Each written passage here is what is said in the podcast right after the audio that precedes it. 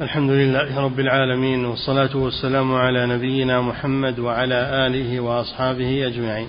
نعم. أما بعد قال المؤلف رحمه الله تعالى وقد ذكرنا شبه المغنين والمفتونين بالسماع الشيطاني ونقضناها نقضا وإبطالا في كتابنا الكبير في السماع. نعم بسم الله الرحمن الرحيم. الحمد لله والصلاة والسلام على نبينا محمد وعلى آله وأصحابه أجمعين. هذا الكتاب الذي أشار إليه كتاب السماع الكبير هذا طبع والحمد لله وهو متوفر الآن. نعم.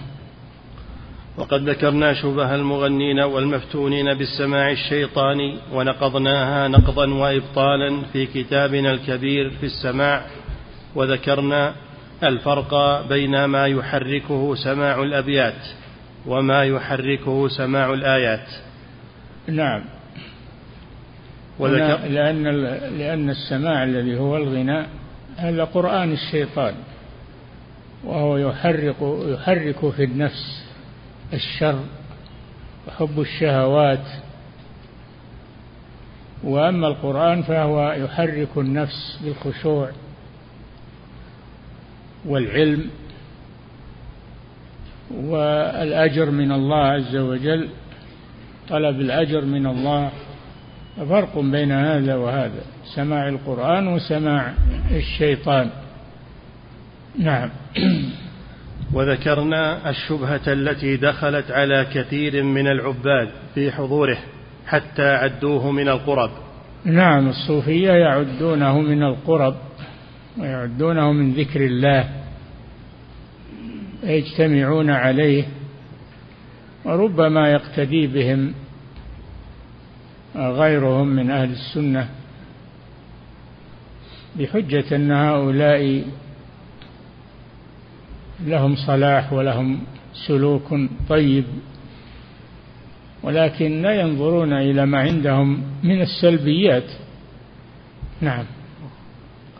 فمن أحب الوقوف على ذلك فهو مستوفى في ذلك الكتاب. كتاب السماع الكبير. نعم. وإنما أشرنا ها هنا إلى نبذة يسيرة في كونه من مكايد الشيطان وبالله التوفيق. نعم.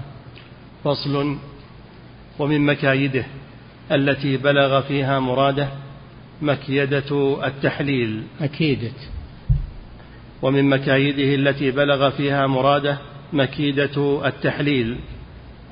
نعم. ال- الذي لعن رسول الله صلى الله عليه وسلم فاعله وشبهه بالتيس المستعار. نعم التحليل المطلقة طلاقا ثلاثا لا تحل لزوجها حتى تنكح زوجا غيره. زواج رغبة لا زواج تحليل. ثم يجامعها الزوج الثاني ويطلقها لا لأجل أن ترجع للأول وإنما يطلقها رغبة عنها. فإذا تمت عدتها من الزوج الثاني فللزوج الأول أن يتزوجها.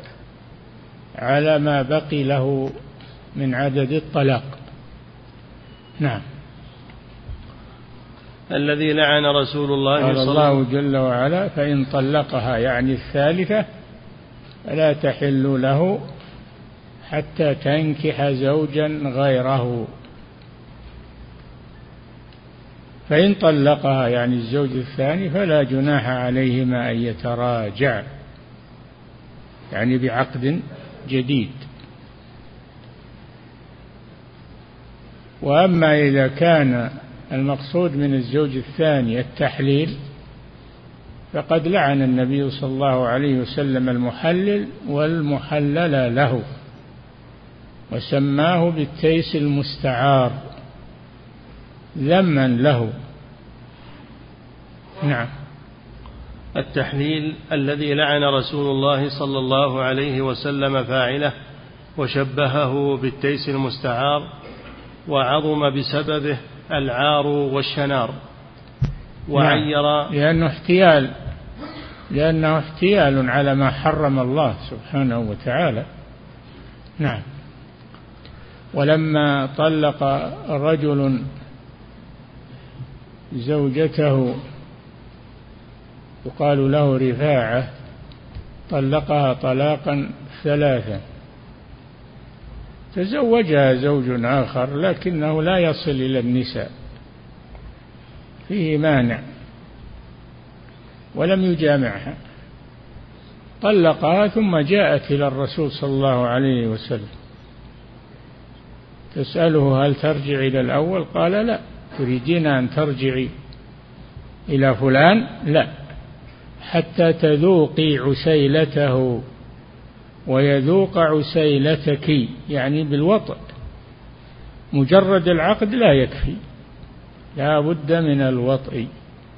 فقوله جل وعلا حتى تنكح زوجا غيره يعني يطأها زوج غيره لأن النكاح يطلق على العقد ويطلق على الوطء. المراد هنا الوطء.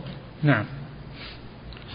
وعظم بسببه العار والشنار وعير المسلمين به الكفار وحصل بسببه من الفساد ما لا يحصيه إلا رب العباد. يعني التحليل.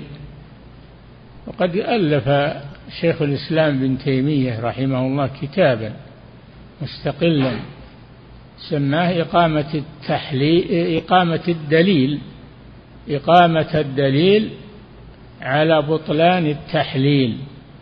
نعم. وحصل بسببه من الفساد ما لا يحصيه إلا رب العباد واستكريت له التيوس المستعارات وضاقت به ذرعا النفوس الأبيات ونفرت منه أشد من نفارها من السفاح. وقالت لو كان هذا نكاحا صحيحا لم يلعن رسول الله صلى الله عليه وسلم من أتى بما شرعه من النكاح فالنكاح سنته وفاعل السنة مقرب غير ملعون والمحلل مع وقوع اللعنة عليه بالتيس المستعار مقرون وسماه السلف بمسمى وسماه السلف بمسمار النار. نعم فهو مذموم التحليل مذموم وملعون من فعله.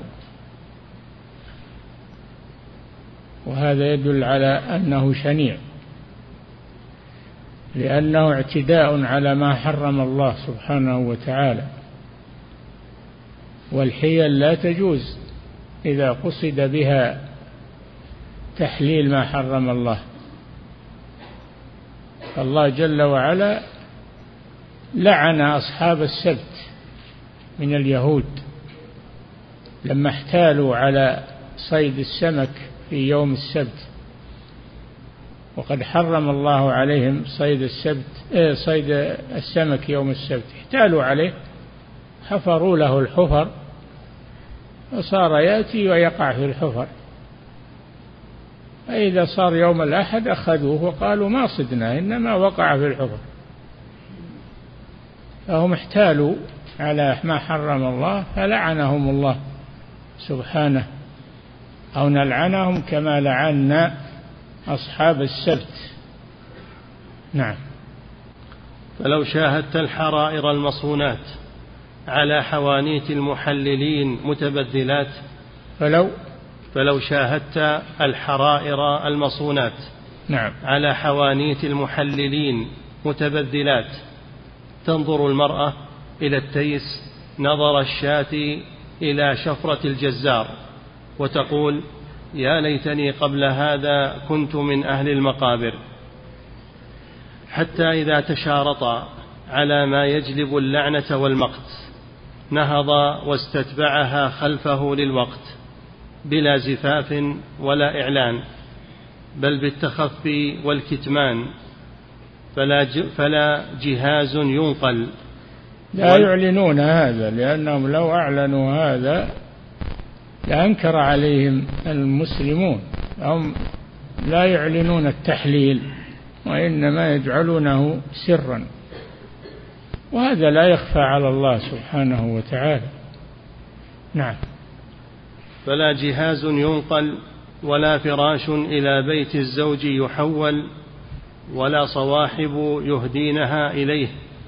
ولا مصلح. نعم لا يظهرون لا يظهرون تزفه إليه آه، الصواحب اللي هي الخاطبات ليلة الزفاف يزفون المرأة إلى زوجها.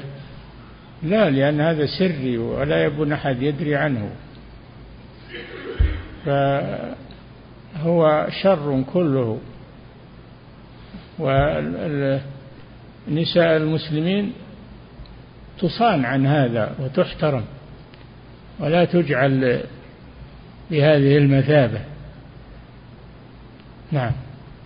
ولا صواحب يهدينها إليه ولا مصلحات يجلينها عليه ولا مهر مقبوض ولا مؤخر ولا نفقة ولا كسوة تقدر ولا وليمة ولا نثار. ولا دف ولا إعلان ولا شعار والزوج يبذل المهر وهذا التيس يطأ بالأجر. الزوج الصحيح يبذل المهر الصداق أما هذا التيس المستعار فلا يبذل مهرا وإنما يدفع أجرا فقط بدل المهر. نعم. والزوج يدفع أجرا للتيس المستعار. نعم. والزوج يبذل المهر وهذا التيس يطأ بالأجر حتى إذا خلا بها وأرخى الحجاب والمطلق والولي واقفان على الباب. ينتظرونه المطلق الأول والولي ولي المرأة واقفان على الباب. يريدان أنه ينتهي ما بينهما علشان تعود للأول. نعم. هذا تشنيع كلام الشيخ في هذا تشنيع على هؤلاء. نعم. حتى إذا خلا بها وأرخى الحجاب والمطلق والولي واقفان على الباب دنا ليطهرها بمائه النجس الحرام ويطيبها بلعنة الله تعالى ورسوله عليه الصلاة والسلام.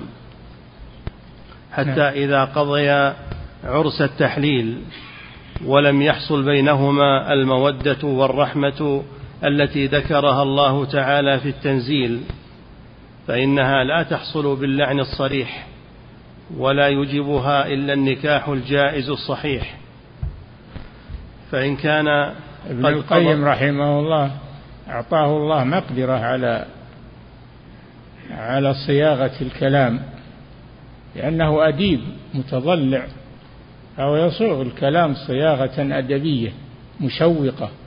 نعم.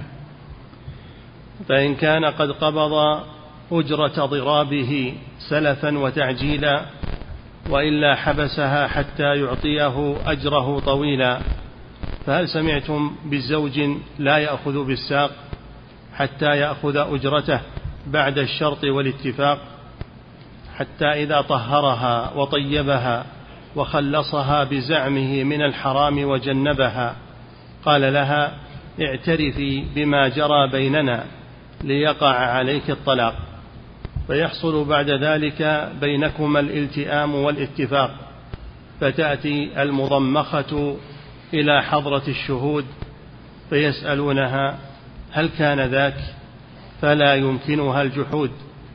فيأخذون منها أو من المطلق أجرا وقد أرهقوهما من أمرهما عسرا. هذا وكثير من هؤلاء المستأجرين للضراب يحلل الأم وابنتها في عقدين ويجمع ماءه في أكثر من أربع وفي رحم أختين. نعم. وإذا كان هذا من شأنه وصفته فهو حقيق بما رواه عبد الله بن مسعود رضي الله تعالى عنه قال لعن رسول الله صلى الله عليه وسلم المحلل والمحلل له. رواه الحاكم في الصحيح.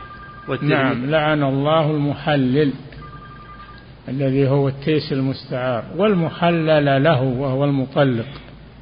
كلاهما ملعون. من رسول الله صلى الله عليه وسلم فكفى بهذا زجرا و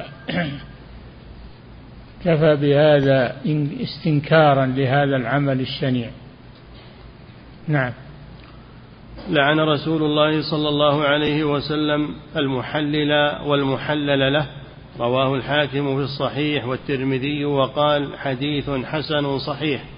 قال والعمل عليه عند أهل العلم. منهم قال الترمذي هذا الحديث العمل عليه عند أهل العلم هذا تقوية له. نعم هذه عبارة الترمذي والعمل عليه عند أهل العلم. نعم. والترمذي وقال حديث حسن صحيح قال والعمل عليه عند أهل العلم منهم عمر بن الخطاب وعثمان بن عفان وعبد الله بن عمر رضي الله عنهم أجمعين. وهو قول الفقهاء من التابعين. نعم. ورواه الإمام أحمد في مسنده. يعني حديث لعن الله المحلل والمحلل له. نعم. ورواه الإمام أحمد في مسنده والنسائي في سننه بإسناد صحيح. ولفظهما لعن رسول الله صلى الله عليه وسلم الواشمة والمتوشمة. الواشمة التي تضع تغرز تغرز جلدها بالإبرة ثم تضع في مغرز الإبرة شيء من من الصبغ الأسود من الصبغ الأسود حتى يبقى على جسمها ويتزين بذلك وهو من أكره ما يكون على النساء. لكن يزينه الشيطان. وقد لعن النبي صلى الله عليه وسلم الواشمة التي تعمل الوسم في نفسها والمستوشمة التي تطلبه من غيرها أن يصنعه بها. نعم. والواصلة والموصولة. والواصلة التي تصل شعرها بشعر غيره. تصل شعرها بشعر غيره كأنه لها وهو تزوير. نعم. والمحلل والمحلل له. هذا محل الشاهد. والمحلل والمحلل له. لعنهما رسول الله صلى الله عليه وسلم. نعم. وآكل الربا وموكله. وآكل الربا الذي يأخذ الربا وموكله الذي يدفعه. وكاتبه وشاهديه. نعم.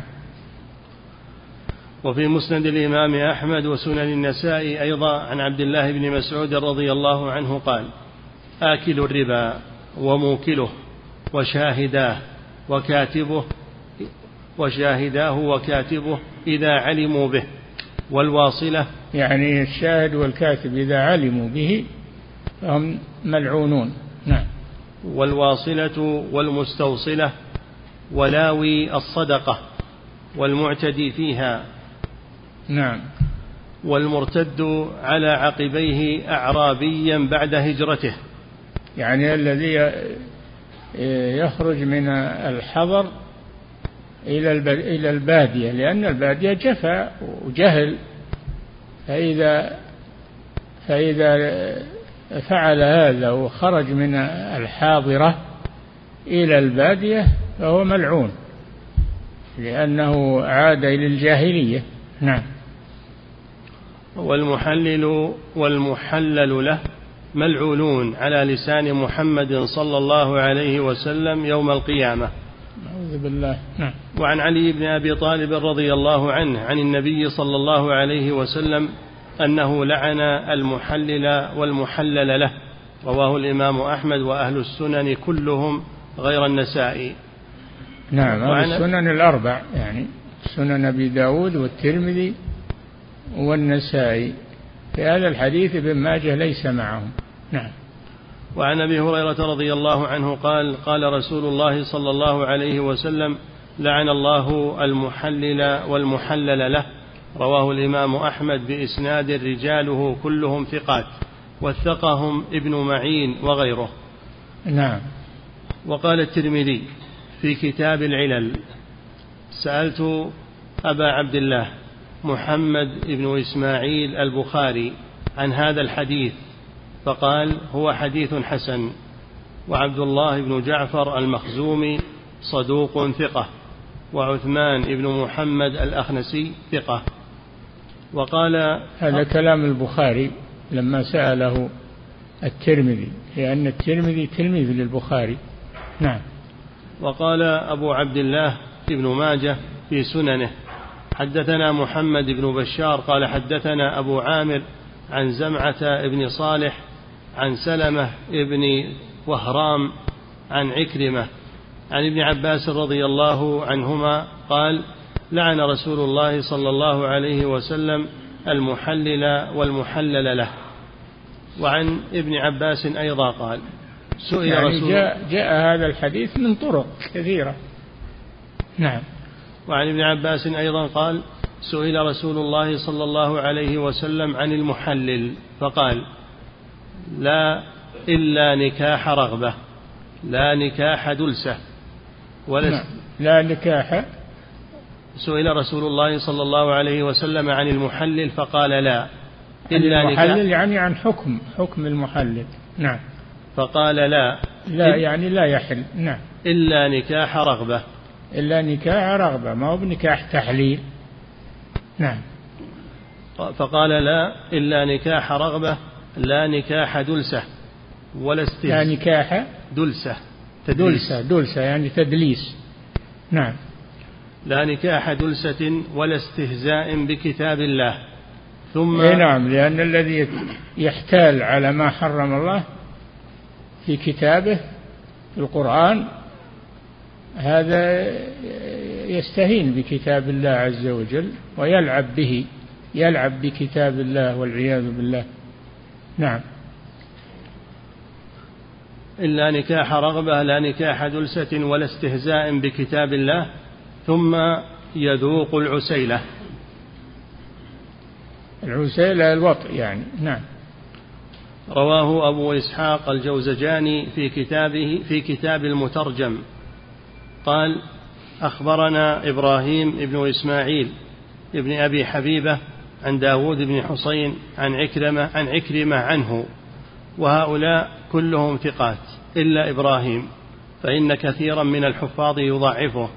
والشافعي حسن الرأي فيه ويحتج بحديثه. نعم. وعن عقبة بن عامر رضي الله عنه قال قال رسول الله صلى الله عليه وسلم ألا أخبركم بالتيس المستعار؟ قالوا بلى يا رسول الله. قال هو المحلل. لعن الله المحلل والمحلل له. رواه ابن ماجه بإسناد رجاله كلهم موثوقون لم يجرح واحدا منهم. لم يجرح. رواه ابن ماجه بإسناد رجاله كلهم موثوقون لم يجرح واحد منهم. نعم. وعن عمرو بن دينار وهو من أعيان التابعين أنه سئل عن رجل طلق امرأته فجاء رجل من أهل القرية بغير علمه ولا علمها فأخرج شيئا من ماله فتزوجها ليحلها له فقال لا ثم ذكر أن النبي صلى الله عليه وسلم سئل عن مثل ذلك فقال لا حتى ينكح مرتغبا لنفسه فإذا فعل ذلك لم يحل له حتى يذوق العسيلة.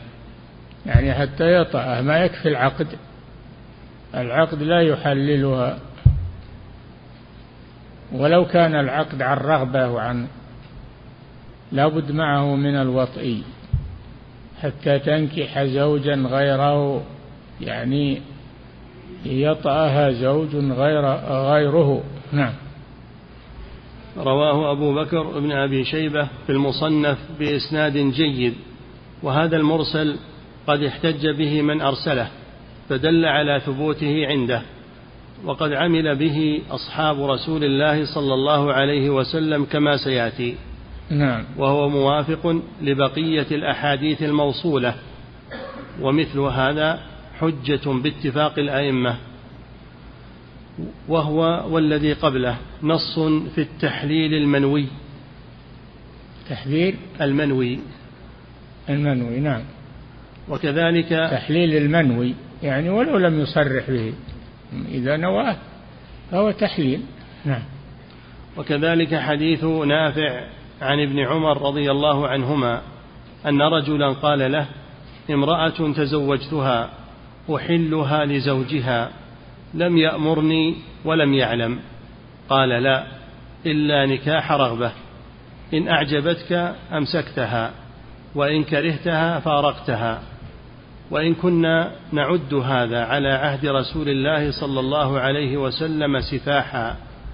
يعني زنا. يعني زنا والعياذ بالله. لأنه نكاح تحيل ما هو نكاح رغبة فهو وطئها بغير حق فيكون زنا. نعم. ذكره شيخ الإسلام في إبطال التحليل. نعم الكتاب الذي ذكرته لكم. إقامة الدليل على إبطال التحليل. نعم. فصل وأما الآثار عن الصحابة. ففي كتاب المصنف لابن أبي شيبة وسنن الأثرم والأوسط لابن المنذر عن عمر بن الخطاب رضي الله عنه أنه قال لا أوتى بمحلل ولا محلل له عن عن إيه؟ عن عمر بن الخطاب إيه أمير المؤمنين نعم عن عمر بن الخطاب رضي الله عنه أنه قال لا أوتى بمحلل ولا محلل له إلا رجمتهما. لأنه زنا يعني يعتبره زنا والزاني يرجم إذا كان بكرا إذا كان ثيبا. الزاني يرجم إذا كان ثيبا. نعم. ولفظ عبد الرزاق وابن المنذر لا أوتى بمحلل ولا محللة ولا محللة إلا رجمتهما وهو صحيح عن عمر. وقال عبد الرزاق عن معمر عن الزهري عن عبد الملك بن المغيرة قال سئل ابن عمر رضي الله عنهما عن تحليل المرأة لزوجها فقال ذاك السفاح ورواه ابن أبي شيبة. ذاك السفاح وهو الزنا يعني. نعم.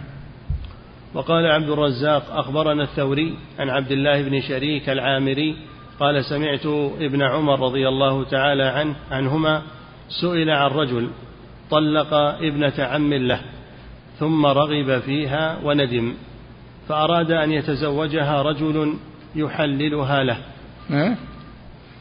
سئل سمعت ابن عمر رضي الله تعالى عنهما سئل عن رجل طلق ابنة عم له ثم رغب فيها وندم فأراد أن يتزوجها رجل يحللها له. نعم. فقال ابن عمر رضي الله تعالى عنهما كلاهما زان وإن مكث عشرين سنة أو نحو ذلك. إذا كان والمحلل له. المحلل والمحلل له. كلاهما زان. لأن المحلل محتال والمحلل له أيضا جاء عن طريق غير مشروع تزوجها بطريق غير مشروع فلا تحل له. نعم. كلاهما زان وإن مكث عشرين سنة أو نحو ذلك إذ كان الله يعلم أنه يريد أن يحلها له. نعم. قال وأخبرنا معمر والثوري عن الأعمش عن مالك بن الحارث عن ابن عباس رضي الله عنهما وسأله رجل فقال إن عمي طلق امرأته ثلاثا. فقال إن عمك عصى الله فأندمه. وأطاع الشيطان فلم يجعل له مخرجا. قال كيف ترى كيف ترى في رجل يحللها؟ قال من يخادع الله يخدعه. نعم.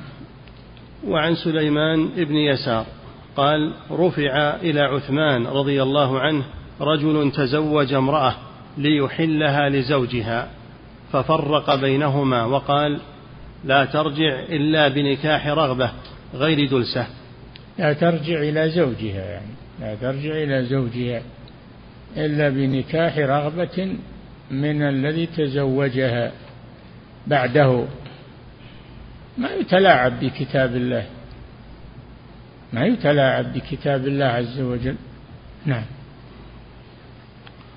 لا ترجع إلا بنكاح رغبة غير دلسة رواه أبو إسحاق الجوزجاني في كتاب المترجم وذكره ابن المنذر عنه في كتاب الأوسط.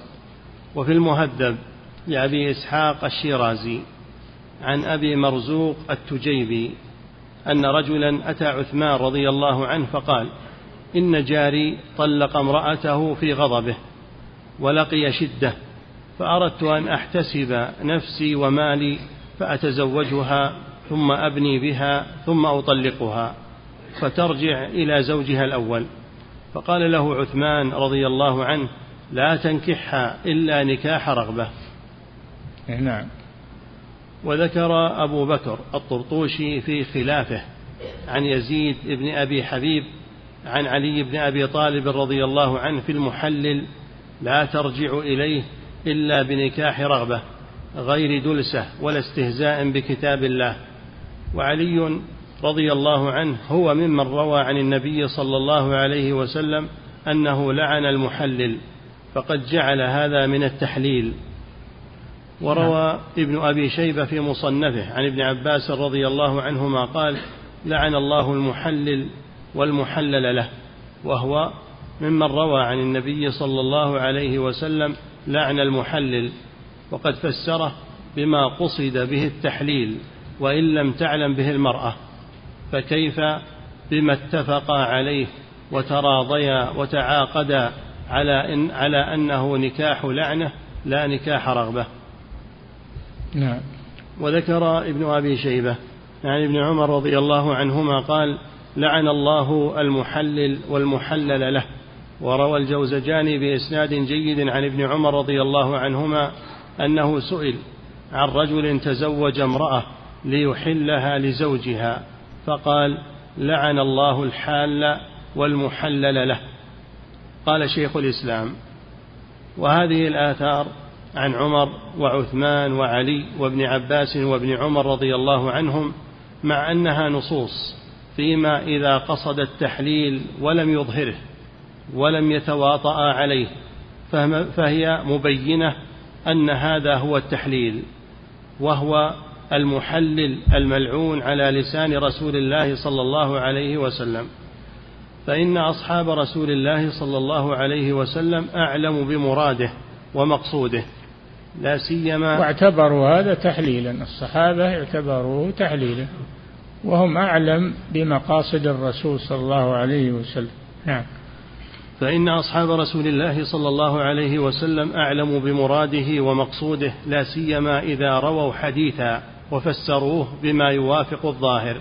هذا مع أنه لم يعلم أن أحدا من أصحاب رسول الله صلى الله عليه وسلم فرق بين تحليل وتحليل ولا رخص في شيء من أنواعه.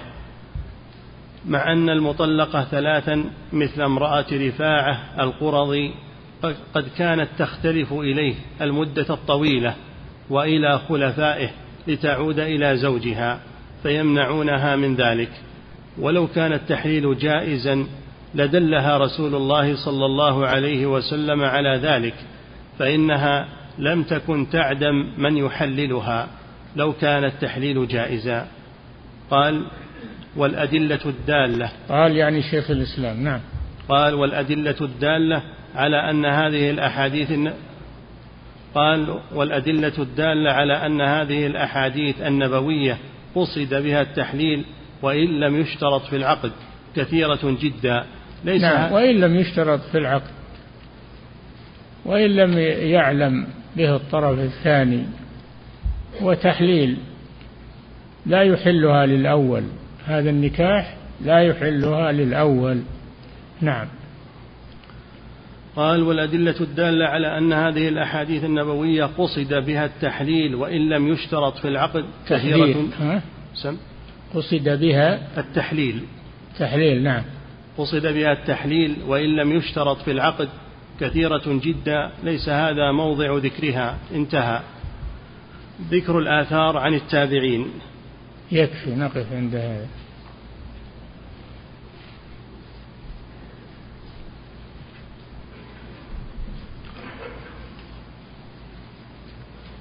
فضيلة الشيخ وفقكم الله. هذا سائل يقول إذا كان التحليل يكون بالسر فهل معنى ذلك أنه بدون عقد ولا شهود ولا ولي؟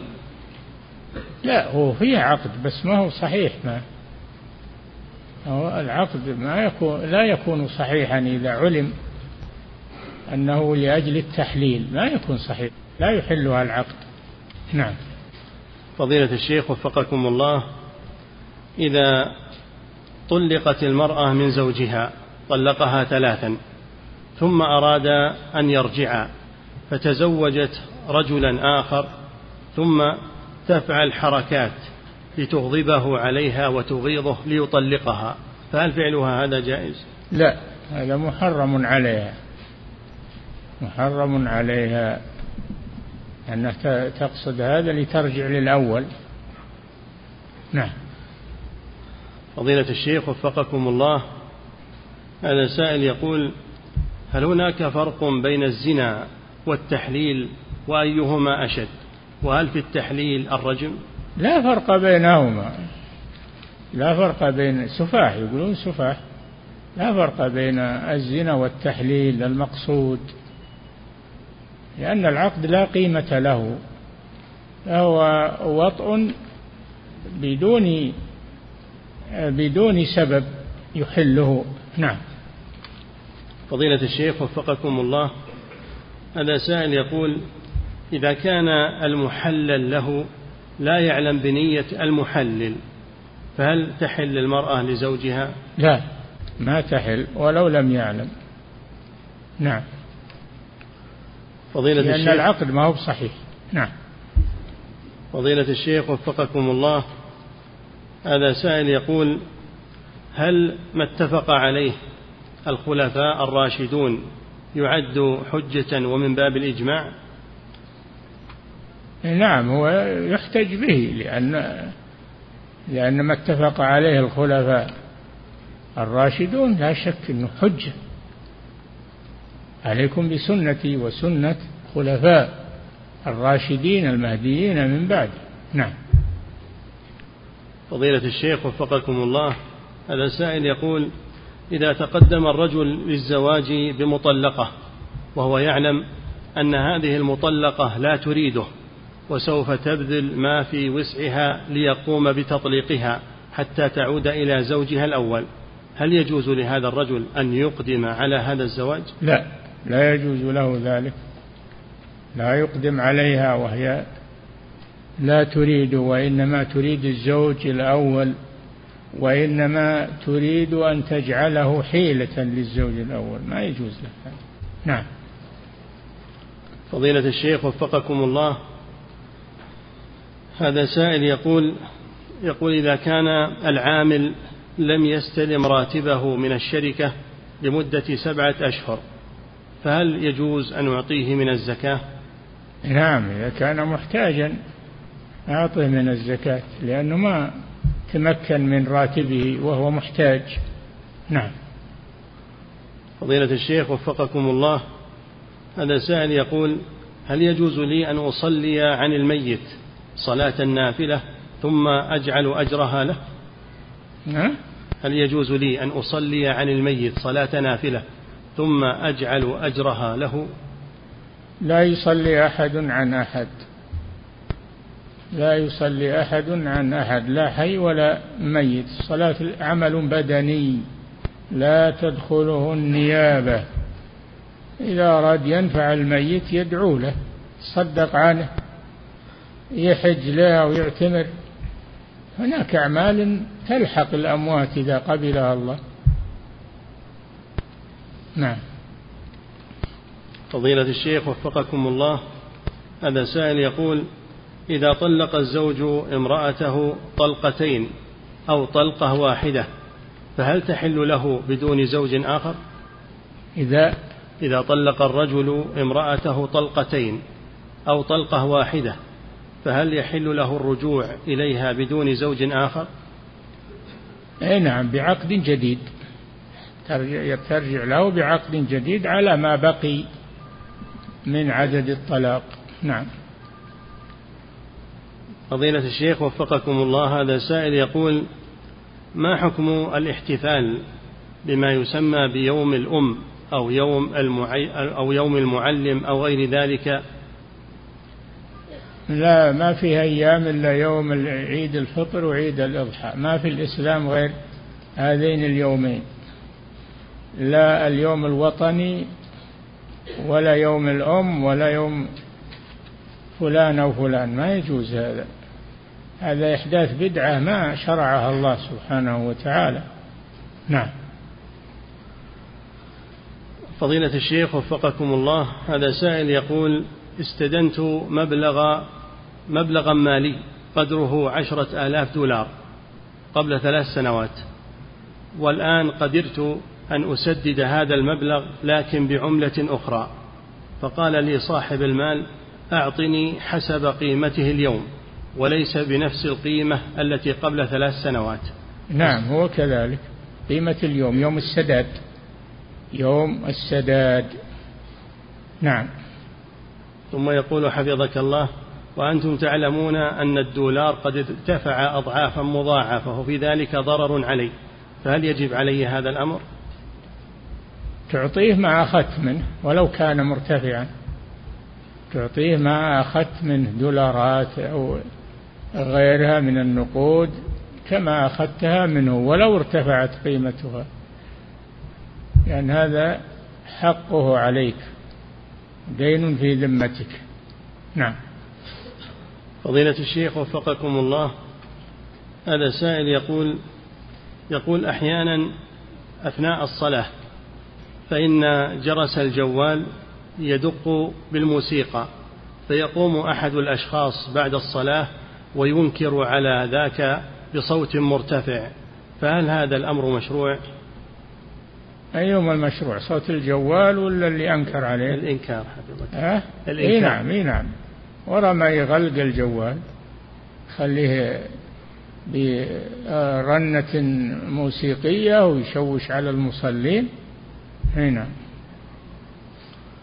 فضيلة الشيخ وفقكم الله هذا سائل يقول أريد الزواج من امرأة مطلقة لكن أمي ترفض هذا الزواج فهل يجوز لي أن أعصي أمي وأتزوج هذه المرأة؟ والله أقنعها أقنع أمك أحسن. لا تزوجها وأمك تمنع هذا. أقنعها. نعم. فضيلة الشيخ وفقكم الله هذا سائل يقول يقول صلاة الجمعة ما حكم صلاة الجمعة خلف من يلحن في الفاتحة لحنا جليا؟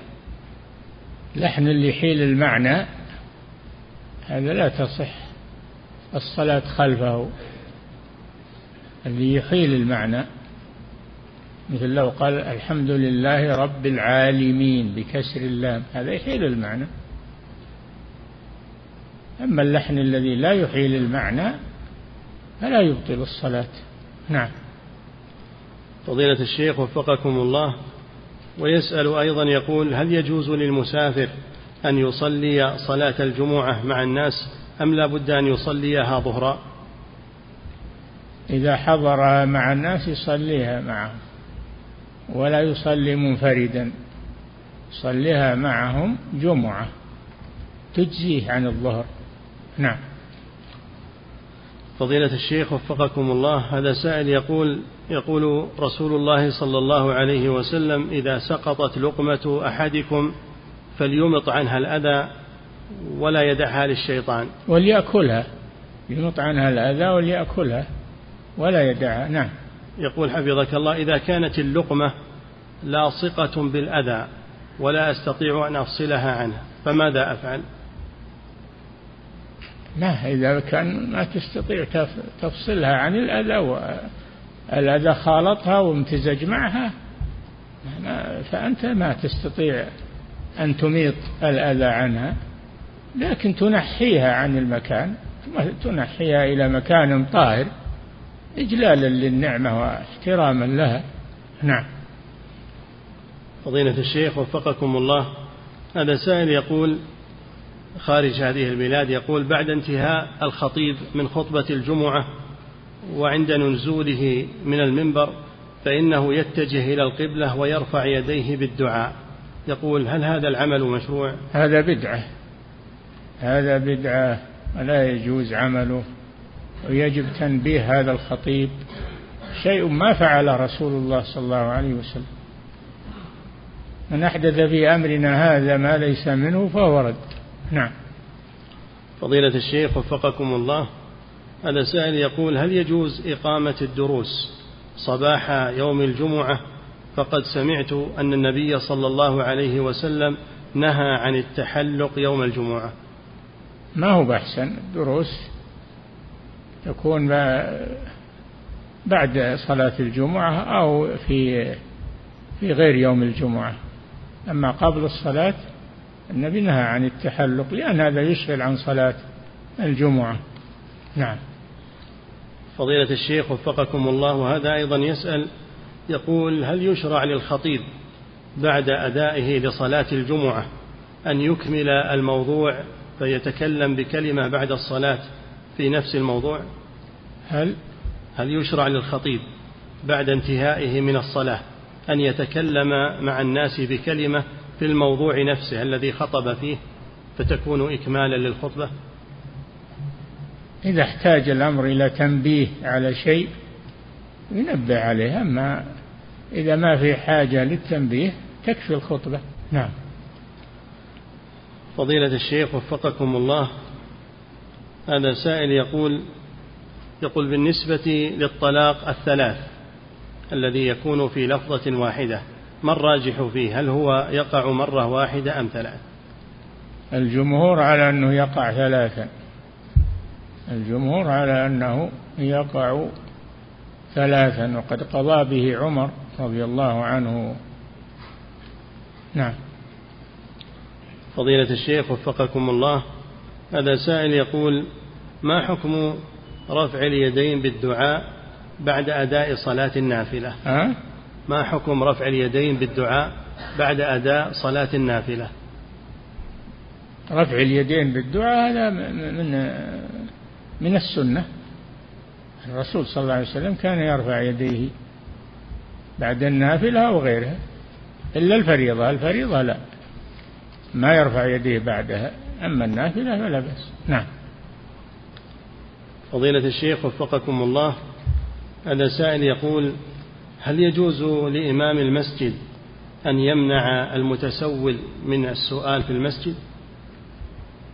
إذا عرف أنه أنه غير محتاج فيمنعه أما إذا لا إذا كان ما يدري أهو محتاج أو غير محتاج فلا يمنعه. لكن يمنعه من رفع الصوت وإشغال المصلين.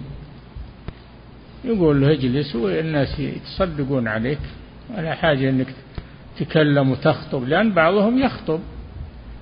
يشغل الناس؟ يمنع هذا. نعم. فضيلة الشيخ وفقكم الله هذا سائل يقول أقيم مع خالتي وهي أرملة. أقيم معها في بيتها وعندها أطفال أكبرهم عمره ثمان سنوات. أقيم. أقيم مع خالتي وهي أرملة. أقيم معها في بيتها. ولديها أطفال أكبرهم عمره ثمان سنوات. يقول عندها خادمة تخرج خالتي أحيانا إلى العمل وأبقى أنا مع الأولاد الصغار والخادمة فهل علي حرج في ذلك؟ ما يكفون الأولاد الصغار اللي ما ميزوا ما يكفون. إذا كانوا مميزين فلا بأس ما إذا كانوا دون التمييز فلا فلا يكفون. نعم. فضيلة الشيخ وفقكم الله هذا سائل يقول بالنسبة للمكي إذا أراد أن يحرم بالحج فمن أين يحرم؟ من مكة. يحرم من مكة. المكي إذا أراد الحج يحرم من مكة. أما إذا أراد العمرة لا بد أن يخرج إلى الحل ويحرم بالعمرة من الحل. نعم. وأقرب الحل التنعيم. نعم. فضيلة الشيخ وفقكم الله هذا سائل يقول هل صحيح أن الذنوب والسيئات تضاعف في الحرم كما تضاعف الحسنات؟ لا. من من جاء بالحسنة فله عشر أمثالها ومن جاء بالسيئة فلا يجزى إلا مثلها لكنها تغلظ في الحرم. السيئة الواحدة تغلظ يغلظ إثمها في الحرم. يغلظ إثمها في الحرم. نعم. فضيلة الشيخ وفقكم الله هذا سائل يقول بعض الناس يجعل نسبة من راتبه للصدقة فيجعل مثلا ألف ريال كل شهر يخرجها صدقة باستمرار. يقول هل هذا الأمر مشروع وهذا التحديد؟ طيب هذا طيب. إذا خصص من راتبه شهريا يقسم منه للصدقة هذا شيء طيب. نعم.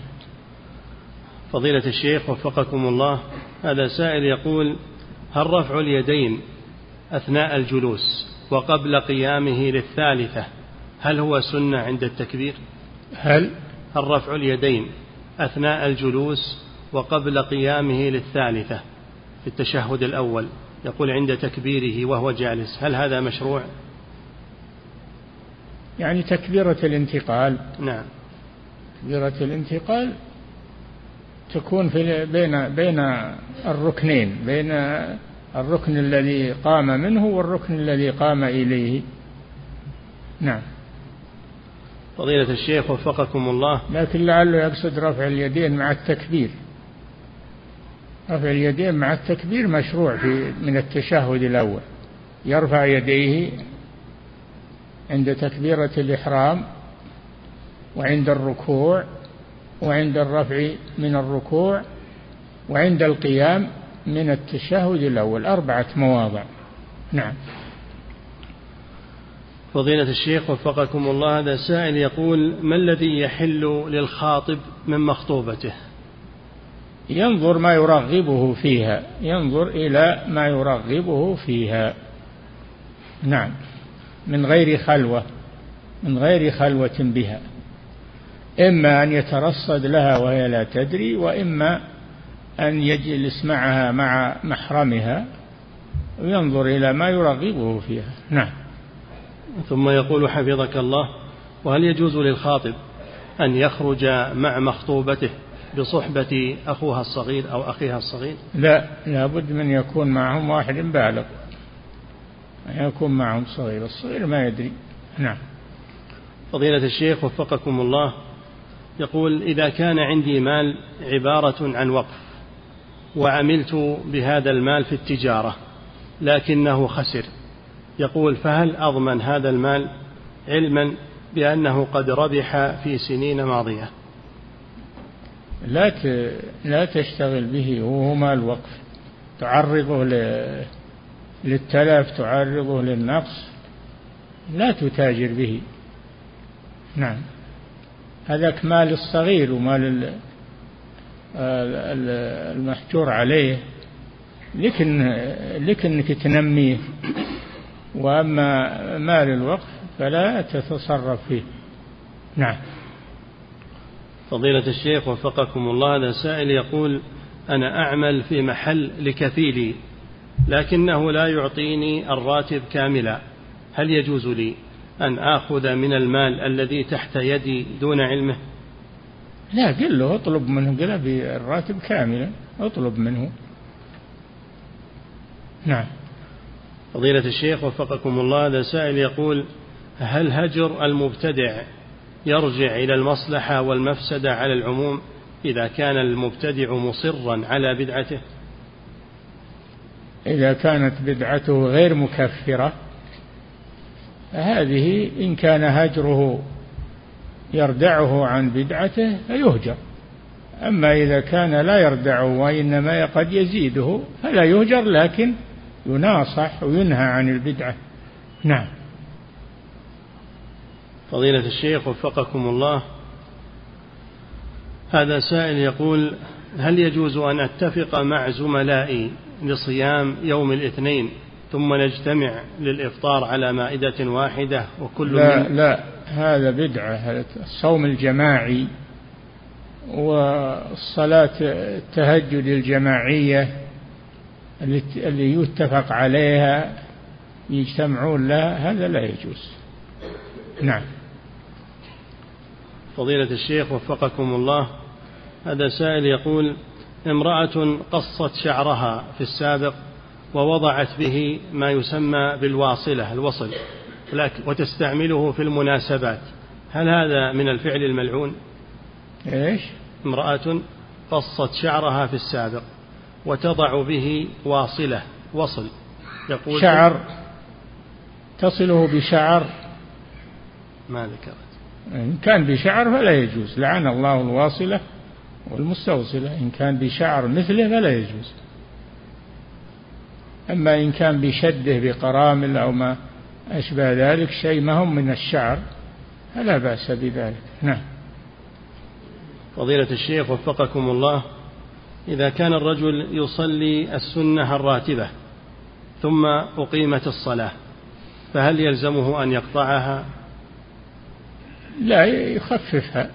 لا يقطعها لكن يخففها حتى يلحق بصلاة الفريضة.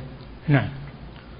فضيلة الشيخ وفقكم الله هذا سائل يقول هل هذه العبارة صحيحة وهي جمعتنا الظروف أو جمعتنا الأسباب؟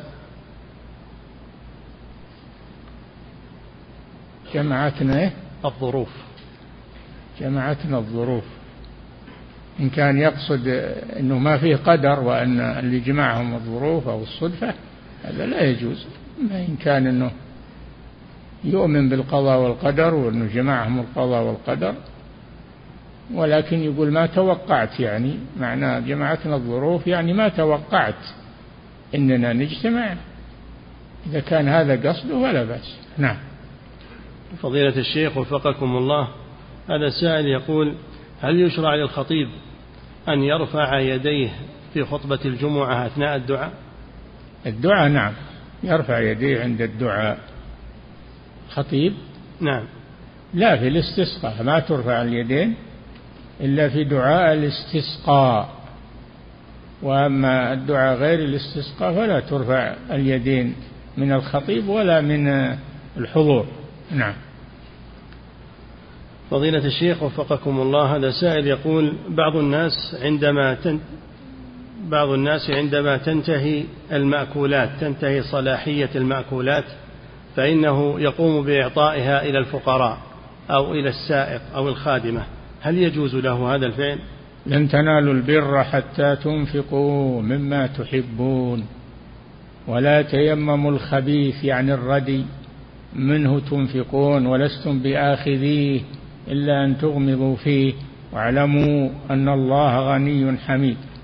فلا يتصدق أو ينفق إلا بشيء طيب. إن الله طيب لا يقبل إلا طيبا نعم.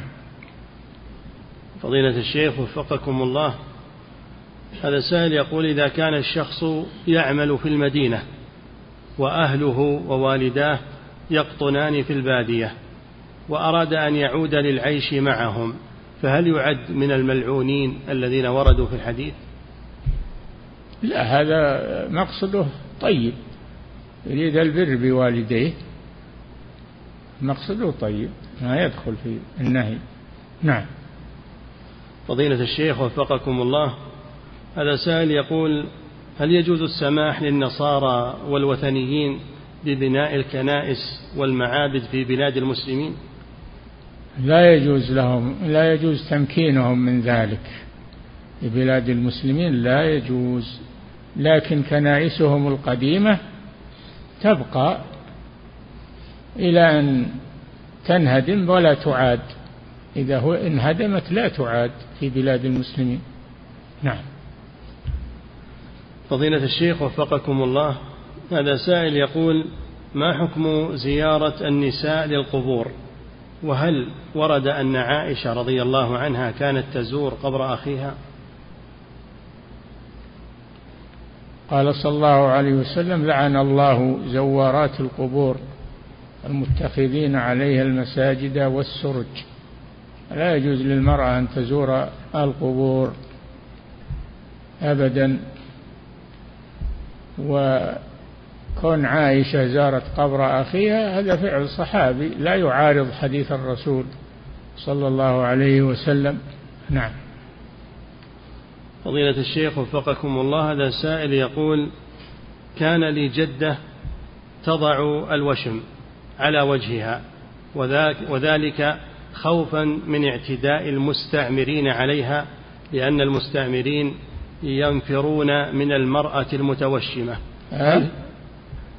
يقول كان لي جدة تصنع الوشم في وجهها وذلك خوفا من اعتداء المستعمرين عليها مستعمرين؟ نعم إيه. خارج البلاد.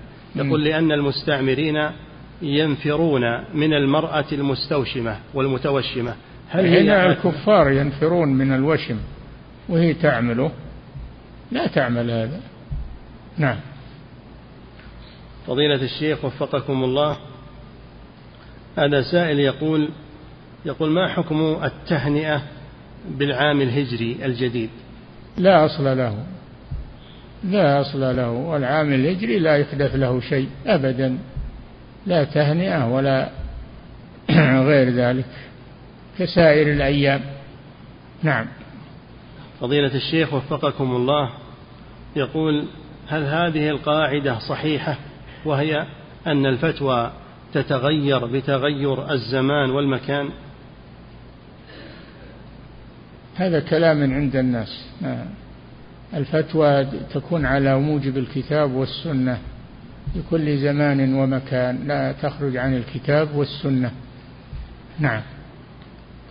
فضيلة الشيخ وفقكم الله هذا سائل يقول هل حلق شعر الرأس للرجل في غير الحج والعمرة يعتبر من المنهي عنه وفيه تشبه بالخوارج؟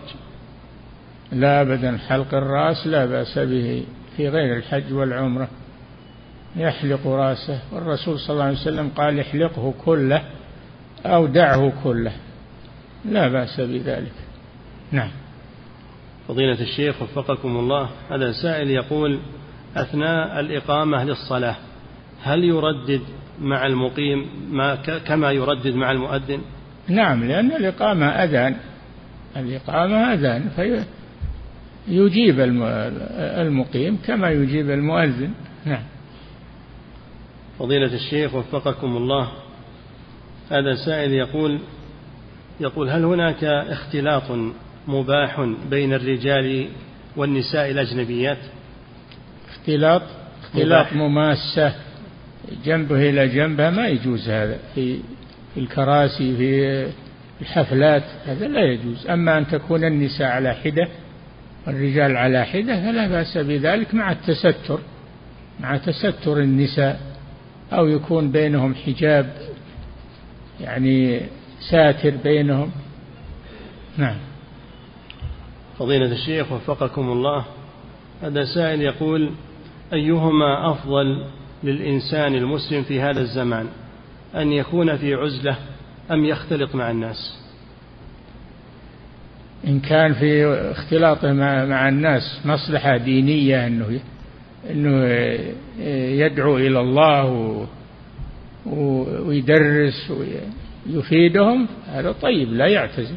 أما إن كان ما مخالطته للناس ما منها فائدة فلا يخالطهم. إذا كانوا ليسوا مرضيين أو عندهم أشياء ما هي طيبة لا يخالط نعم.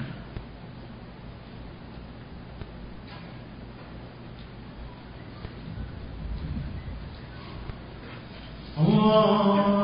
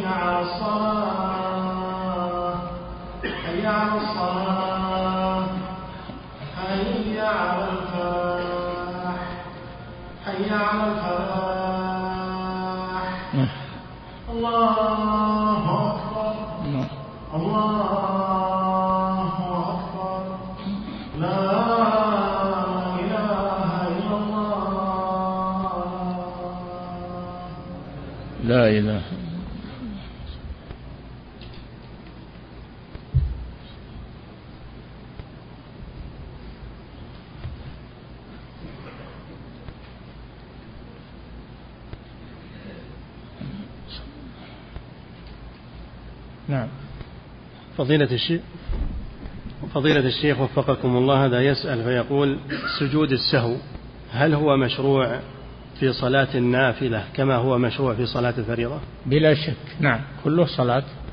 إذا سهى في النافلة يسجد للسهو كما يسجد للسهو في الفريضة. نعم. فضيلة الشيخ وفقكم الله في قوله سبحانه وتعالى لو كان فيهما آلهة إلا الله لفسدتا. يقول الاستثناء هنا هل هو منقطع أو أم متصل؟ منقطع. منقطع. مثل لا إله إلا الله. نعم. فضيلة الشيخ وفقكم الله هذا سائل يقول أنا أدرس في جامعة الخرج وأذهب كل يوم صباحا وأعود إلى منزلي في المساء. وأؤدي صلاة الظهر والعصر في الخرج هل أؤدي صلاة الظهر والعصر في الخرج هو يذهب من الرياض. نعم. طالب في الجامعة جامعة الخرج هناك ويذهب لم من يبقى لم يبقى بين الخرج مباني الخرج لم يبقى بين مباني الخرج ومباني الرياض. مسافة ثمانين كيلو. الظاهر ما ما يصلح الجمع والقصر. لأنه يمشي في بنيان متواصل تقريبا. هذاك من أول يوم مباني الخرج. آه، بعيدة ومباني الرياض بعيدة عن بعضهما. الآن تغير الوضع. نعم. فضيلة الشيخ وفقكم الله هذا سائل يقول ما يسمى بالزواج بنية الطلاق؟ هل هو كالتحليل تماما؟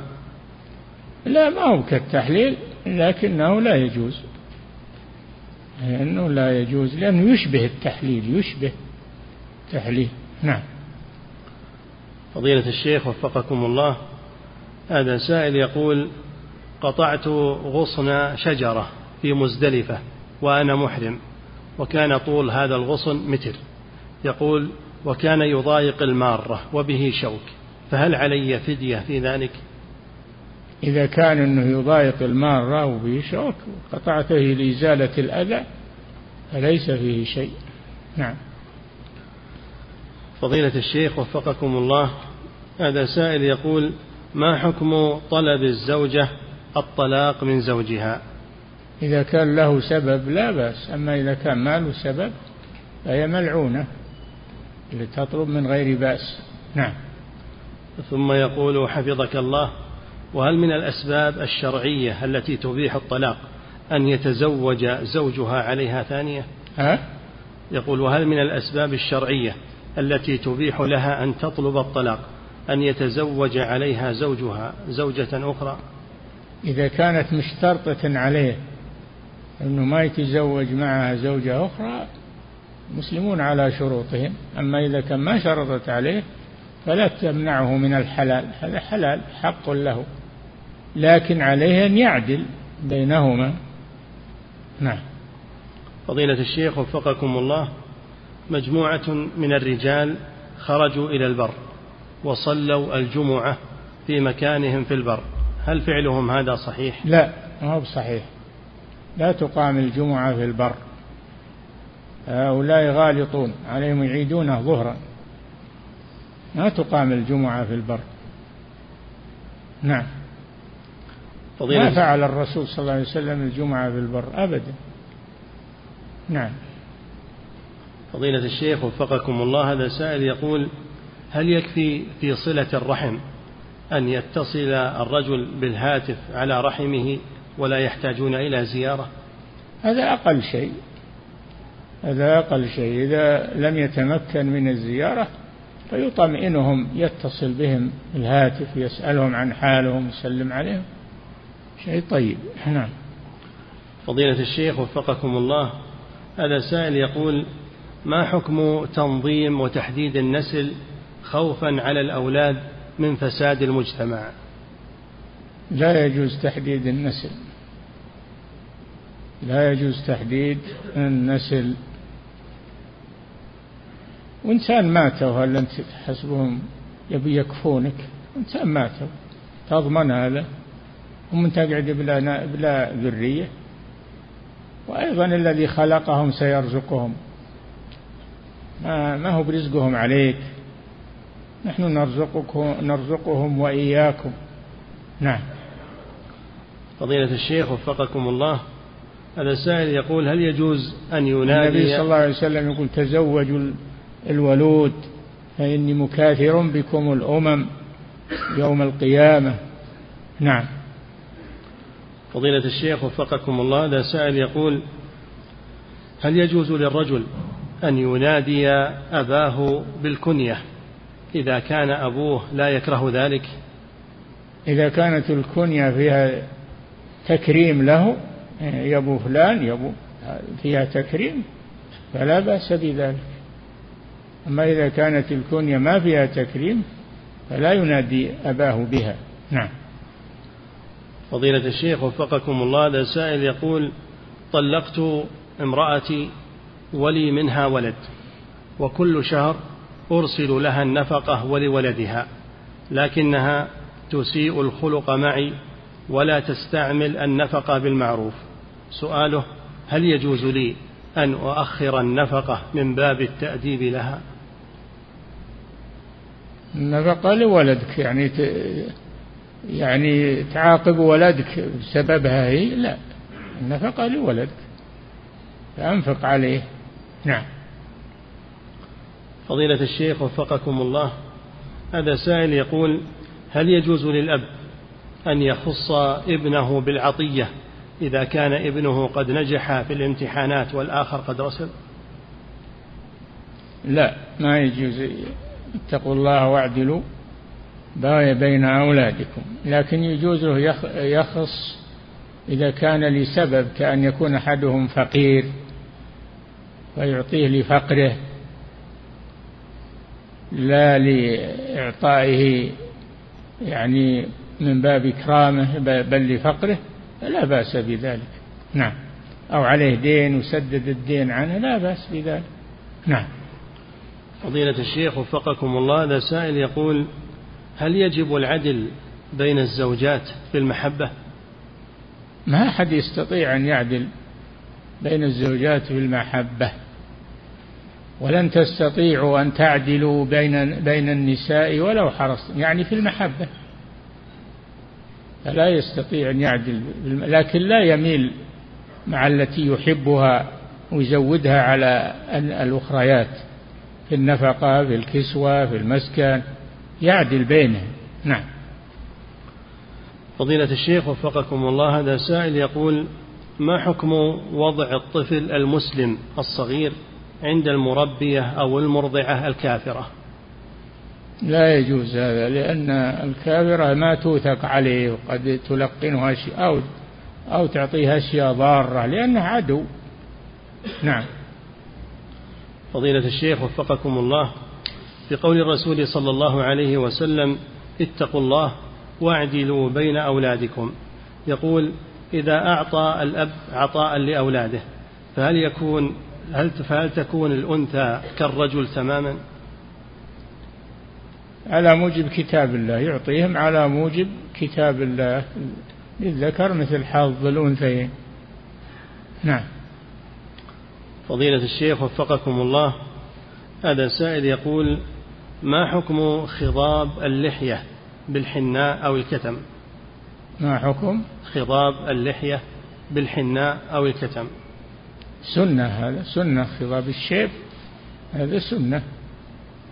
نعم فيه من الصحابة من لم يصبغوا.